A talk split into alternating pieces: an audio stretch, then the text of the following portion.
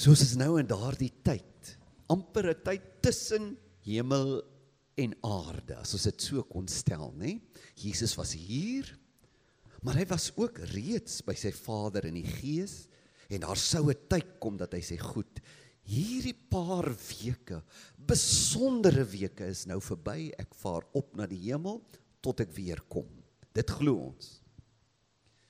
So kom ons vertoef nou in daardie wonderlike absoluut aangrypende paar weke. Ons is in week 1 eintlik. Kan ek jou vra wat sou jy sê is die grootste ding wat ooit sedert die ontstaan van die mensdom gebeur het? Miskien kom ons maak dit die vier grootste dinge. Die vier grootste gebeurtenisse sedert die ontstaan van die mens is die geboorte van Jesus, die lewe van Jesus, die dood van Jesus en die opstanding van Jesus. Niks groter het ooit gebeur sedert die ontstaan van die mens nie. So jy kyk na hierdie groot gebeurtenisse en jy vra, hoe praat die Here met my daardeur? Met die geboorte van Jesus, jy kyk na hierdie verhale, dan vra jy, wat sê God vir my hier? Jy kyk na die belangrikste persone in sulke verhale. Jy kyk na hulle geloof, hulle karakter of gebrek aan karakter. En daar's heelwat sulke persone as as jy nou naby aan Kerstyd die verhale lees of in ander tye dit ook lees, jy sien Herodes. Jy dink hierdie man leef net vir homself. Is ek nie eers Herodes nie? Jy sien die wyse manne wat na na die Here soek en bereid is om om te gee. Jy kyk na Josef en Maria. Josef wat sê ek gee nie om wat mense van my dink nie. God het vir my gesê dis hy wat hierdie kind verwek het in Maria. Daai edelheid in hom. Maria wat oorgee aan God se plan. So as jy hierdie verhale lees, dan moet jy dit nie net lees om kennis te neem nie. Jy vrou, praat dit met my in my lewe.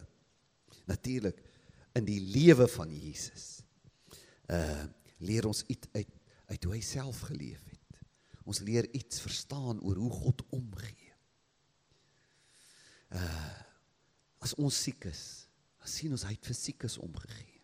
Vir blindes, vir dowes, vir sondige mense, hoe hy hulle vergewe het. Ons Jesus, ons kyk na sy storie en dit praat altyd met ons. Die dood van Jesus praat met ons. Dit kan die skynheilige leiers wees. Ek vra, waar's ek skynheilig? Waar leef ek 'n 'n 'n skyn? uh die lafhartige en die bang disippels. Here, waar maak ek beloftes wat ek nie hou nie? Die rower aan die kruis, Here. Dis nooit te laat vir nie. Kan jy sien daar's altyd 'n ding wat met 'n mens praat. Die opstanding van Jesus.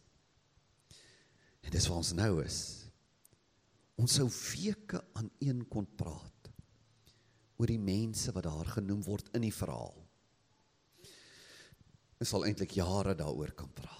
Daar is volumes en volumes oor die opstanding geskryf en oor en oor lees jy dit en terwyl ek voorberei dit my weer so aangegryp is asof ek dit nog nooit gelees het nie. Oor die tyd vanaf Jesus se opstanding tot by sy hemelvaart. Die tyd tussen hemel en aarde. Nou kom ons begin vandag ding, net vandag en volgende week. Ons dink aan net een of twee verskynings van Jesus in die tyd. Daar's 'n rede vir elke verskyning. Daar's altyd 'n rede vir alles wat God doen. En daar's 'n rede as dit in die Bybel opgeteken is, dan weet jy God doen oral dinge, want die dinge wat hy gedoen het en laat opteken het in die Bybel is om my te help. En nog meer as dit herhaaldelik opgeteken is, dan neem jy kennis hoekom oor en oor die ding sê. En dan in die Joodse verhale is daar 'n element waarna jy altyd moet oplet. Eerste dinge. Eerste name in 'n lys, dan vra jy, hoekom is daai naam eerste? In in die styl van die Jode was dit altyd, dit het dikwels betekenis gehad, nie altyd nie, maar meestal. Eerste karakters in 'n verhaal. Eerste opdragte. Eerste eienskappe, soos byvoorbeeld daar in Galasiërs praat Paulus van as iemand vir die Here leef, dan gaan jy die vrug van God se gees in sy lewe sien. Wat's die eerste ding wat hy noem? Kan jy onthou? As groot pryse vandag as jy die vraag reg antwoord. Vrug van die Gees is liefde. Heel eerste. Maar snaaks dat Christene die tweede een so min onthou. Wat's die volgende een? Mense sal sê liefde erns. Ah, liefde blydskap. As jy liefhet, is jy blymoedige. So jy kyk na daai volgorde en jy sê, is hierdie volgorde in my lewe belangrik? Is dit vir my belangrik? Die eerste ding as 'n mens Jesus wil volg, is hy moet lief hê. En dink mense as hulle na jou kyk, hey, jy's 'n blymoedige mens. Jy kyk na daai lys en die lys het betekenis ook die volg, volgorde. Maar veral eerste dinge. En dis waar ons nou ver oggend is. Daar's iets in hierdie opstandingsverhaal, in hierdie tyd waar ons nou is. Wat ons aandag moet kry. Uh, die verhaal noem iemand nie net eerste nie, maar ook in al vier evangelies en dit is nie dikwels so nie. Kom daar 'n persoon na vore. Kan jy onthou aan wie Jesus die heel eerste keer verskyn en dis ook 'n groot prys. Dink mooi antwoorde, kan jy onthou? Jy gaan kyk wat die Bybel van hierdie persoon sê. Is dit 'n man of 'n vrou? Hæ? Huh? Uh, Maria Magdalena die eerste mens wat Jesus ontmoet na sy opstanding. Nou mense, as jy erns met die Bybel meen, dan moet jy vra, wat gaan hier aan? Al vier die evangelies, Maria Magdalena oor en oor. Hulle maak 'n punt en in 'n samelewing waar die vrou eintlik op die agtergrond gehou word. Is dit uitsonderlik dat sy so 'n prominente rol speel in die verhaal. Hoekom? Sy is die eerste mens wat die leë graf sien. Wat 'n aardskudding daar by die graf beleef. Die een evangelie sê een engel het met haar gepraat, die ander evangelie sê daar was twee. So net een het gepraat, maar twee het verskyn. Een van hulle praat met haar. Die eerste mens wat dan vir Jesus sien na sy opstanding. Die eerste mens met wie Jesus praat. Na hy sy groot werk kom doen het. Hoekom?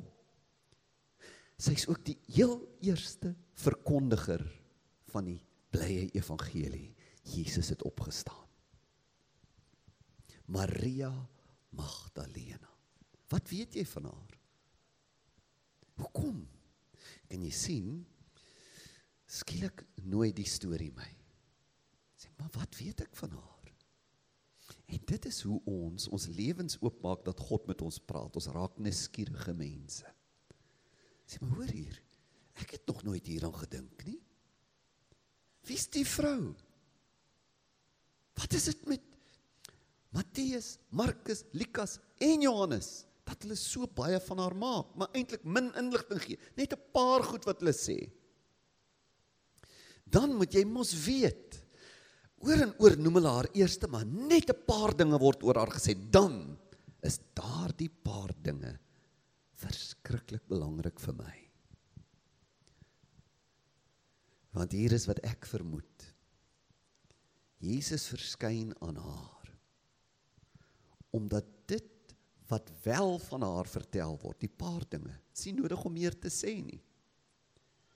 So dikwels presies eintlik elke mens van toepassing is. Ek moet eintlik na die verhaal kyk en sê, Here, hoe is ek Maria Magdalena? Hoe is ek sy? Hoekom is Maria Magdalena eerste? Hoekom? Sy is die een wat daardie besondere ontmoeting met Jesus het. En Here, ek begeer ook om U dikwels op 'n besondere manier te ontmoet. Hoekom het sy daardie voorreg gehad want ek wil in 'n sin ook daardie voorreg hê. Here, ek wil U ook op besondere maniere ontmoet.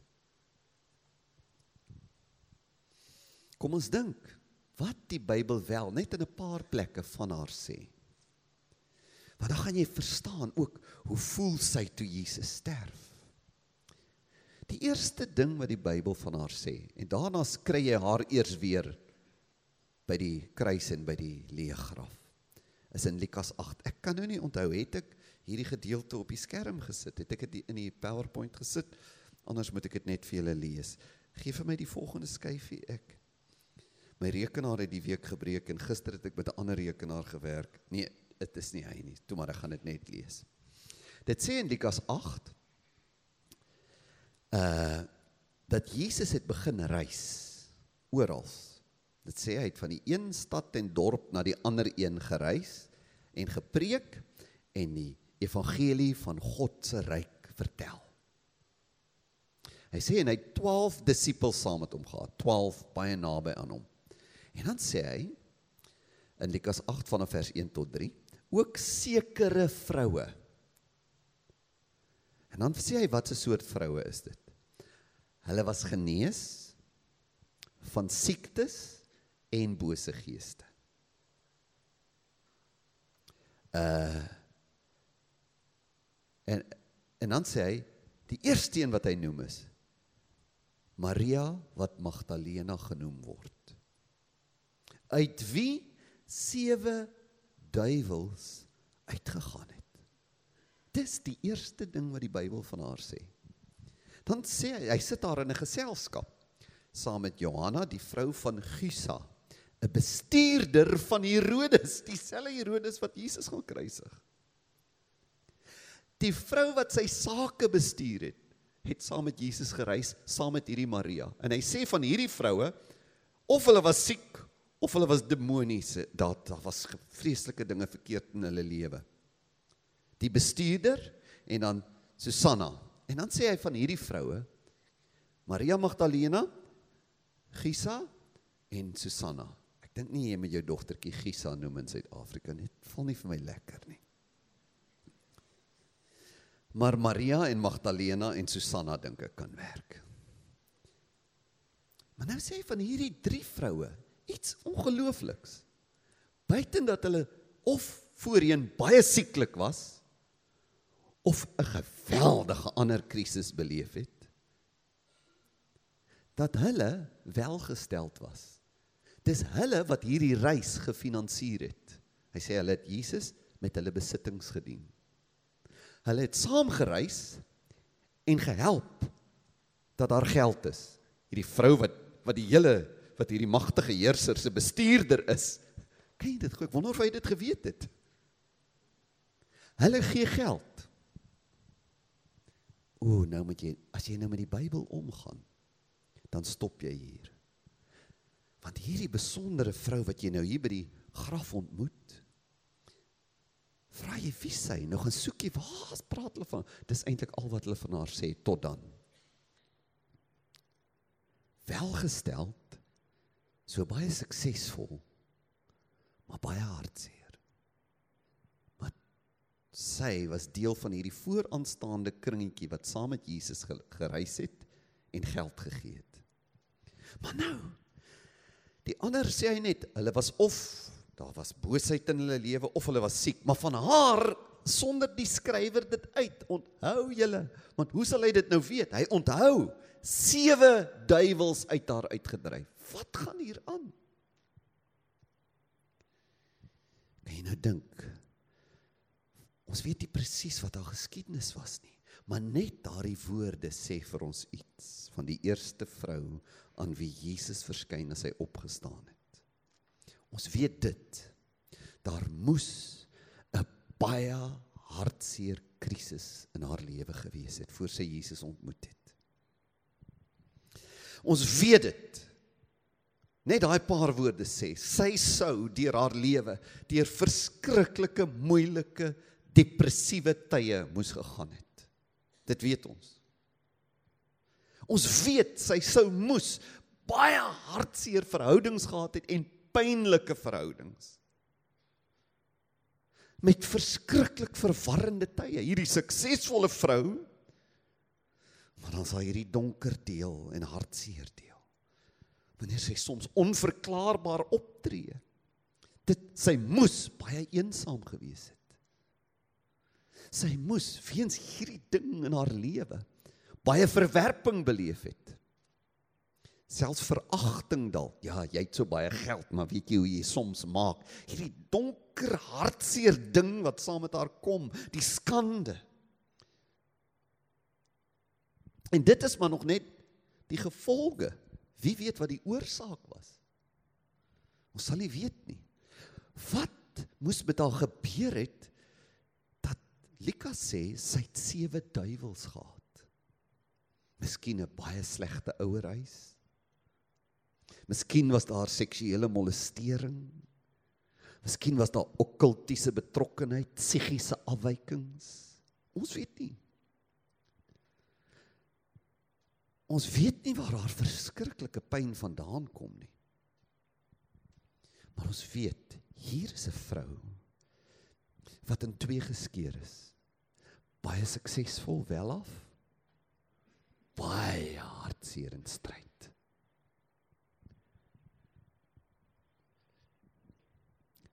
Nou die verhaal word so vertel dat hierdie klompie suksesvolle vroue eers Jesus ontmoet het.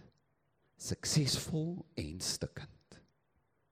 En as sy Jesus ontmoet, moes dit 'n baie traumatiese oomblik gewees het, want hoe weet Lukas sewe duiwels is uit haar uitgedryf? Dit moes duidelik gewees het. Hulle moes almal agtergekom het, hoorie, hier's iets donker en boos in hierdie vrou se emosies, denke, wese en optrede. So, eers as ons na die voorbeelde in die Bybel kyk, moes daar iets gebeur het. Voor mense wat dit sien, moes sy terwyl Jesus met haar praat of baie konvulsies gehad het, styptrekkings, dalk bewusteloosheid, angs, gille, dalk haar klere geskeur, dalk kwaad geword Maar daar moes een of ander sigbare of hoorbare reaksie wees sodat Lukas kan sê ons het gesien sewe duiwels is uit haar uit. Maar dan skielik kom hierdie donker teenstrydige stormagtige onveilige verwarrende lang seisoen van haar lewe tot 'n einde. Sy begin saam met Jesus reis. Sy reël haar sake so, sy het nie nou 'n inkomste nodig nie, sy het reserves, sy gee, die reis gaan voort. Sy sien hoe hy wonders doen, hoe hy met haar praat en haar lewe begin heel word. Maar nie eers vir 3 jaar nie. Want nou sien jy 'n verskriklike ding wat gebeur. Hierdie Here wat haar hele lewe se anker word. Sy los als en reis saam met hom. Iets gebeur. En sy is naby as dit gebeur. Hy gaan dood. En alhoekom sy kon dink hierdie paar jaar, nie eers heeltemal 3 jaar van my lewe begin nou uitwerk nie. Ek het nuwe vrede.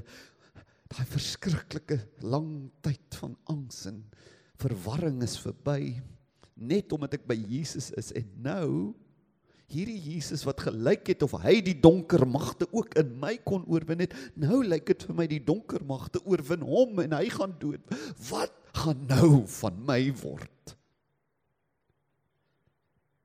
kan jy dink wat met so vrou gebeur sy weet al lank al my geld het vir my niks beteken nie ek het steeds ek het vasgevang geraak. Al wat nou oor my is verskriklike angs. Ek is so teleurgesteld. Ek het gedink hierdie is nou die res van my lewe en hy's weg. Gaan hierdie goed my weer inneem. Wat gaan van my word? Het jy al so gevoel? Nou stop jy as jy die verhaal lees en jy vra jouself is dit soms so in my lewe? uh sekere areas van my lewe werk uit is suksesvol maar ander areas van my lewe is so broos Want kyk, sy daar sou sy definitief gedink het ek het nou meer geen sekuriteit nie. Ek is so feilbaar, ek verstaan dit nie. Ek voel soms so. Soms voel dit vir my ek het soveel oorwinning hier. Ek is net soos Maria Magdalena. Hier is ek eintlik ryk. Maar hier is dit donker. Uh, asof geen sukses so groot is in my lewe dat dit ook die donker seisoene permanent kan wegvat dis waar jy haar kry daar Vrydag en Saterdag. En as jy die storie lees, dan vra jy jouself, was dit net een keer so of is dit hoe die lewe is? Dat soms het ons 'n seisoen wat dit lyk of alles goed gaan en dan ewe skielik is dit Saterdag en Vrydag. Dit voel vir jou die onsekerheid kom terug. Die oorwinning is dalk nou verby. Skielik is daar warboel van storms in my hart. Ek verstaan nie wat met my aangaan nie. Ek is bang vir wat wag. Sal swakheid of donkerte by my die oorhand kry. Kan jy sien wie die vrou is? Sy is ek en jy. tensy hier mense is wat permanent in oorwinning is. Ek beny jou, maar ek is nie. Soms voel dit vir my net ek is ook Maria Magdalena. Ryk en arm, heel en stikkend. En veral soms voel ek ek is Maria Magdalena op hy Saterdag. Dinge val nou uitmekaar. so baie fronte. Hier voel dit goed. Hey, ek en my vrou is so lief vir mekaar, maar hier ek word siek. Hoekom is daar altyd iets? O, ek is so gesond en fiks, maar hier hierdie transaksie wil nie deurkom nie. Dit dry my. Hierdie ding gaan nie goed nie. O nee, dit gaan goed. Finansies is baie goed, maar o, hierdie verhouding met my ma of met my kind is altyd hierdie twee goed. Hoekom is dit soms so Saterdag. Ek weet nou nie of ek alleen so is nie. Maar soms voel 'n mens net, "Jesus, Saterdag is te erg." En mense, dis hoe die lewe is. Die lewe is soos Maria Magdalena se lewe. Jy kan nie daarvan vry uh, kwyt geskeld word. En ek is hier om vir jou vandag te sê moenie dat dit jou laat voel. Ek kan dit nie maak nie, want dit is Maria se een groot eienskap. Die een groot rede dat Jesus eerste aan haar verskyn is omdat sy soos jy is. Wat sy soos ek is dat sy soos ons twee sê Here as u nie opdaag nie dan's al hierdie ou goed terug. Ek sal dit nooit self kan wen nie. Wie's ek teen die duiwels as hulle u kan doodmaak? Kan jy sien waar sy is? Sy's waar jy soms is. Ek gaan dit nie maak nie. Wanneer gaan goed tog net permanent regkom? Ek het nog gedink die 3 jaar, nie eers 3 jaar saam met Jesus nie. Nou is dit reg. En nou is hy dood. Kan jy sien jy kwalifiseer vir ontmoeting met Jesus? Elke keer wat jy so voel, voel jy presies soos die eerste persoon wat die opgestane Jesus ontmoet het. Jy kwalifiseer. En ek kwalifiseer. Weet jy hoekom? omdat ons so stikkend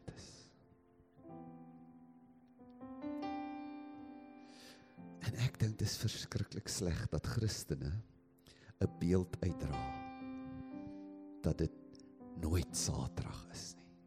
Want weet jy wat, dan kan jy vir niemand iets beteken nie. Want al die mense om jou het dikwels Saterdag. Hulle is dikwels Maria Magdalena. voel hulle geïntimideer deur jou of hulle voel you're just too good to be true. En hulle verlang om Jesus te ontmoet en hulle wonder kan ek? En as jy eerlik is, ja man, ek is ook maar nog op 'n reis. Gee jy hulle hoop? En ek het so begeerte om vir jou te bid vanoggend. Is daar eers 'n plek in jou lewe wat jy voel, ag Here, ek het gedink dis weg of dis oorwin, oh, waar ek vanoggend is, is ek maar weer so bekommerd oor daai kind of oor hierdie pyn in my liggaam of oor my energie of oor my emosies of oor my huwelik of oor hierdie verhouding of oor my geld of Here ek voel so skaam. Dit voel of daai sewe duiwels weer terug is. Hier is dit Here help my. Dis hoe dit is dit is nooit te erg vir Jesus nie dis 'n rede dat sy daar is want sy stikkend. Jy kan Jesus ontmoet. Want hy ontmoet sulke mense. Ek wil nou vra dat jy jou oë sluit. En op hierdie nagmaal oggend sê Here, hier is 'n 'n stukkie stikkendheid. Maak nie saak wat dit is nie of dit 'n bekommernis is of net 'n algemene gevoel, waar's my blydskap? Of vrees vir omstandighede, geld, siekte. Of 'n verhouding wat donker is. Here asseblief. Lig net hierdie swaarmoedigheid. Vat net hierdie bekommernis weg. Kom net ontmoet my. Wil jy dit vir hom vra? Ek wil nou vir jou bid. As 'n kinderlike gebaar terwyl ons ons oë sluit, kan jy sê Jesus, ek steek my hand op. Vir oggend is my naam Maria Magdalena. Ek is so bang. Of dit voel vir my so donker. Of ek is so bekommerd. Ontmoet my Here. Ons oë gesluit. Voor ek bid, sê jy kinderlik, "Koos bid vir my." Ek het iets wat ek nou na Jesus toe wil bring. Ek is Maria Magdalena vandag. En dis vir my Saterdag. In een area van my lewe is dit Saterdag. En ek weet nie of Sondag kom nie. Daar's soveel mense. Jy, jy kan nou jou hand laat sak. Dis nou jy en die Here. Here, U ken elkeen van ons se geskiedenis. Ons berge en ons dale. Ons oorwinnings en ons nederlae. Ons sterktes en ons swakhede. Ons lig en ons donker. Ons vreugde en ons pyn en hartseer. Hier is soveel mense, Here, wat in een area soos Maria Magdalena ryk voel. Sy was so welgesteld. Maar sy was so arm. Here, ontmoet ons. As U ons nie ontmoet nie, sal ons dit nie maak nie. En ek bid voorsien vir mense, elkeen wat ver oggend sê Jesus, ontmoet my, help my. Sal U dit vir hulle doen. In Jesus naam. Amen. Dit is my gebed vir jou dat elke keer in jou lewe as jy by daai vertwyfeling kom, Hoe kan dit hier so goed gaan en daar so sleg dat jy sê dit kwalifiseer my dat ek Jesus kan ontmoet. Want hy kom na my stikkindheid toe. Voor ons die nagmaal gebruik, ons sal nie reg doen aan die verhaal. As ons nie kyk wat hulle nog van haar sê nie, maar daar sal ek net so 'n minuut of 5 vertoef. Een van die ander eienskappe wat kyk ons het nou haar gebrokenheid gesien, maar jy moet ook altyd kyk wat kan jy bewonder in so 'n karakter? Wat sê hulle alles van haar? Uh een van die eienskappe wat ek dink haar so groot gunstgenoot en 'n gunsteling van God maak, is sy het iets gedoen na sy Jesus ontmoet het. Sy het 'n dankbare mens geword en sy was vermoond en sy het haar geld begin gebruik om die Here te dien. Haar groot verlossing het in haar so diep dankbaarheid laat wakker word. En sy het gehoor gegee aan daai innerlike wete. Here, ek wil gee, ek wil wys ek is dankbaar. Sy het 'n intense dankbaarheid en vrygewigheid ontwikkel. Om God te volg en aanbid met jou hele wese is onmoontlik as jy nie 'n dankbare mens is nie. En dankbaarheid is weer onmoontlik as jy nie mense is wat gee nie. Dit loop altyd saam. En ek moet jou daaraan herinner, ek sal onverantwoordelik wees as ek nie vir jou sê dis iets wat die Bybel uitwys in baie gelowiges se lewe, maar in in in Maria Magdalena se lewe. Was dit die ding Die eerste ding wat hulle vir haar sê, van haar sê is sy het sewe duiwels gehad. Die tweede ding is sy het gegee dat Jesus kon reis. Sy het gegee vir sy werk. Dis die tweede ding wat hulle van haar sê. En Jesus sê iets radikaal oor ons pad met hom. Elke keer as ek dit lees, dink ek, Here, het Lukas nie hier iets verkeerd geskryf nie. Kyk wat sê Jesus. Hy sê hy wat getrou is in die minste, is ook in die grootte getrou. En hy wat onregverdig is in die minste is ook in die groot regverdig. As jy dan nie getrou was in die onregverdige mammon, ek bedoel geld nie, wie sal julle die ware goed toe vertrou? As jy nie getrou was in 'n ander se goed nie, wie sal aan julle heel eie gee? Geen huisknegt kan twee here dien nie, want hy sal of die een haat en die ander lief hê, die een aanhang en die ander verag. Julle kan nie God en mammon dien nie. Wat ek wil verwys na is hy sê uh Hy sê as jy nie getrou is in geld in mammon nie. Wie sal aan jou die ware goed toevertrou? Wat bedoel Jesus? Kan dit wees dat Jesus sê God wil jou eers vertrou in jou vrygewigheid voordat hy enige ander ware dinge aan jou toevertrou. Dikwels het ons 'n ander idee, nê? As ek nou regtig geestelik volwasse en sterk word, gaan die Here my help dat ek begin gee. Hy sê nee nee nee, gee is die eerste stap. Ek wil jou help om te besluit ek wil soos die Here word. En hoe jy dit besluit is begin by die maklikste deel. Begin by die eerste stap. En die eerste stap is begin gee. Het jy dit al raak gesien en glo jy dit? Dat dis die eerste toets voor jy verder kan vorder. Dis nie 'n doelwit aan die einde nie.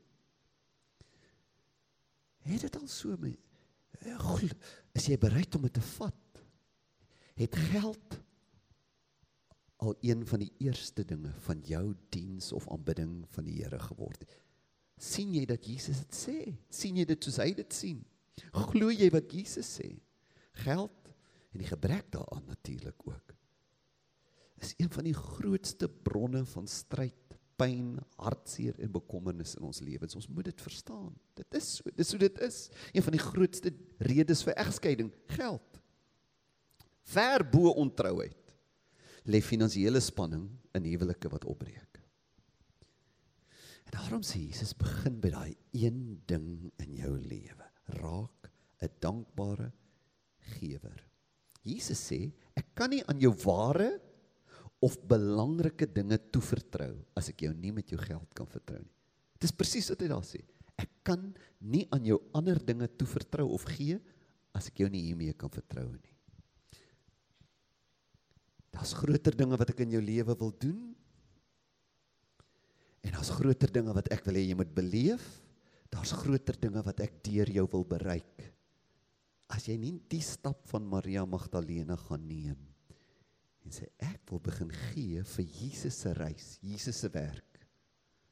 Sê kan ek verder nie met jou vorder nie. Dis radikaal. Ek is huiwerig om dit te sê as ek nie weet Jesus het dit gesê nie. Want ek persoonlik in my natuurlike verstaan van die lewe sien dit ook nie so nie. Ek moet myself kruisig om dit so te sien. Here, kan dit wees dat U sê my eerste toets vir jou is nie hoe vriendelik is jy nie, Dis nie hoe baie jou Bybel lees nie, dis nie hoe jy my eerste toets voor ek met jou verder kan gaan is wat doen jy met jou geld? Dis wat Jesus sê. Ek kan niks ware dinge aan jou toevertrou as ek jou nie met jou geld kan vertrou nie. Vir my is dit 'n verskriklike bedreigende stelling. dit het my radikale uh, besluite in my lewe laat neem. Met betrekking tot my tiendes en so aan. Ek weier om daaraan te raak. As dit is Here, hoe kan ek vir mense gaan preek? Hoe kan U my toevertrou met 'n gemeente as ek die eerste ding nie ingetrou is voor U nie? Kan jy sien? Jy gee aandag aan die storie en iets in die storie sê, "Wow, daar's 'n sekere soort mens wat Jesus ontmoet het." Sy was vrygewig. En dan laastens volgend wil ek net vir jou ek ek weet nie ons het nie die tyd daarvoor nie, maar ek wil jou stuur om Matteus 27 te gaan lees. Dan gaan kyk jy vir Maria Magdalena daar. En dan gaan lees jy Johannes 20. Wat 'n wonderlike hoofstuk. Het jy dit?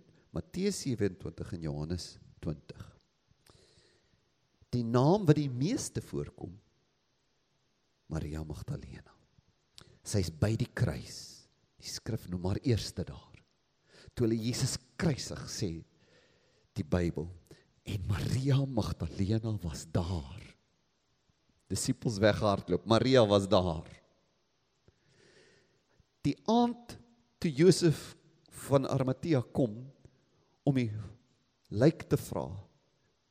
Toe hy die lijk graf toe vat, is Maria Magdalena daar by die graf sit sy en huil.